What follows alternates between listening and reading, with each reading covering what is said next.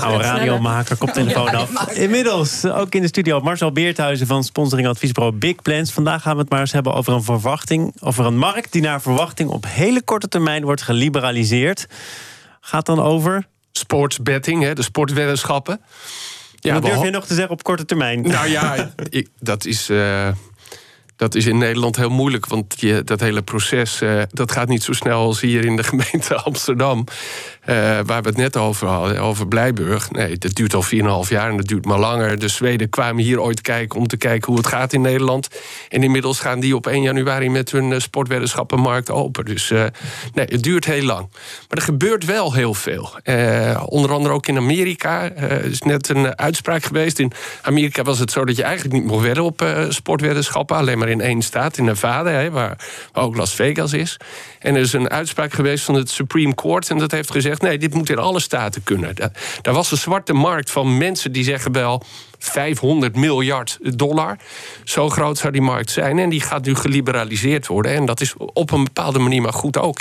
Hetzelfde zie je in Australië gebeuren, waarbij de overheid zegt ja, weet je, er wordt zoveel uh, zwart gegokt op sportwedstrijden. We kunnen dat veel beter gaan kanaliseren. Want dan komt het ook naar ons toe. En dan krijgen we daar bijvoorbeeld ja. uh, kansspelbelasting maar dat besef is ook er in Nederland al een tijdje. Er wordt heel erg lang al over gesproken. Inmiddels kun je dus zeggen van koploper tot achterblijver. Ja, zeker. Nou, het, het staat in het regeerakkoord. Uh, het ligt voor in de Eerste Kamer. In de komende maanden moet dat dan allemaal gebeuren. Er is natuurlijk door het nieuwe kabinet gesteggeld... omdat daar partijen als het CDA en de ChristenUnie in zitten... die natuurlijk toch met een andere blik naar dit dossier kijken. Het is Nederland altijd de koopman en de dominee...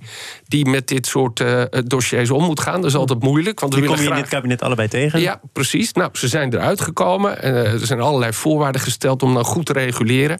En nu moet het uh, ja, nog door de Eerste Kamer. Dat ziet er op zich goed uit. Er moet het wel voor voor de oh ja, provinciale statenverkiezingen. Dan moet het snel gebeuren, want anders zou het wel weer eens veel langer kunnen duren. Het is al jammer, want we lopen hierdoor veel geld mis. Want er wordt in Nederland heel veel gegokt. Er is een markt van, hè, de, zwarte, de zwarte markt van 800 miljoen, 1 miljard euro. En dat lopen we nu mis. Dat is eigenlijk ontzettend jammer. En als je zegt we lopen het mis, dan geldt dat misschien voor uh, de overheid in de vorm van belastingen. Maar er is ook altijd een koppeling tussen uh, sportweddenschappen en sport zelf. Ja, ja zeker. En, en je ziet en natuurlijk dat een heel groot deel van die opbrengsten van de lotto, hè, van, de, van de Nederlandse loterij naar de Nederlandse sport gaan. Dus die vinden dat uh, belangrijk. Straks, als er meer aanbieders komen, dan gaat een deel van die opbrengsten ook naar de sport toe. Dat is voor de sport natuurlijk heel erg belangrijk. En ja, die zitten ook te wachten. Wordt dit een nieuwe zilvervloot? Je, je ziet al bijvoorbeeld dat een club als Ajax een contract heeft gesloten met een Chinese aanbieder voor de Aziatische markt. En al die, ja, met name voetbalverenigingen, die hopen toch wel de voetbal voetbalclubs die hopen toch wel dat dit snel gaat. Want dat betekent weer nieuwe sponsorcontracten, meer geld. En wat je dan ook gaat krijgen, dat is dat je tijdens een wedstrijd ook uh, kunt inzetten op bijvoorbeeld gaat de penalty erin. Ja, ja je kunt nee. echt op alles schokken. Ja. Wie de eerste gele kaart krijgt, of een ingooi naar links of naar rechts gaat. Precies. En die, en die markt is nog veel groter dan de markt vooraf voorspellen wat de uitslag zal zijn. Dus iedereen is, hoopt, niet, is het ook niet een beetje een romantisch beeld van die, die sportgokmarkt, zeg maar, alsof het die mensen ook om de sport gaat? Want met name dat grote zwarte geld. Ik heb de illusie dat, of tenminste de gedachte dat heel veel van die, dat zwarte geld helemaal niet geïnteresseerd is in sport, maar alleen maar op het financiële rendement, zeg maar. En door ze dan in de sport te halen, dan, dan haal je dat dus ook je sport binnen. Nee, ik denk, ik denk niet dat uh, mensen uh, gokken op sport omdat ze sport zo leuk vinden. Maar sport heeft spanning en sport is elke dag. En, dat maakt, en sport is onvoorspelbaar. En dat maakt het natuurlijk zo interessant om, om daarmee te spelen. Dus uh, ja, maar die mensen zijn er wel degelijk. En die moeten nu hun behoefte die er is, die in de mens zit, het is over de hele wereld.